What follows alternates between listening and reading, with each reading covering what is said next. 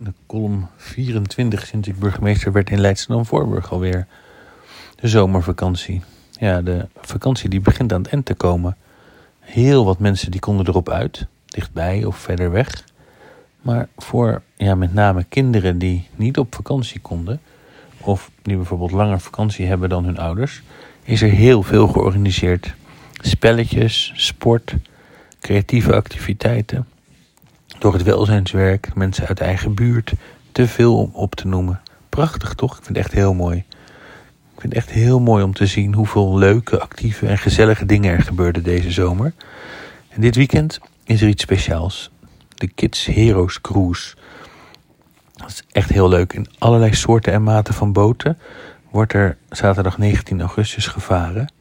Vanaf de Huigenshaven aan de Sionstraat. Grote poppen varen mee. De meer dan levensgrote Kids Heroes, de helden, die varen in een lange stoet naar de sluis Leidsendam. Daar is ook weer een leuk programma. Op internet kunt u het hele programma teruglezen. Maar dat hoeft niet. U kunt er ook gewoon naartoe.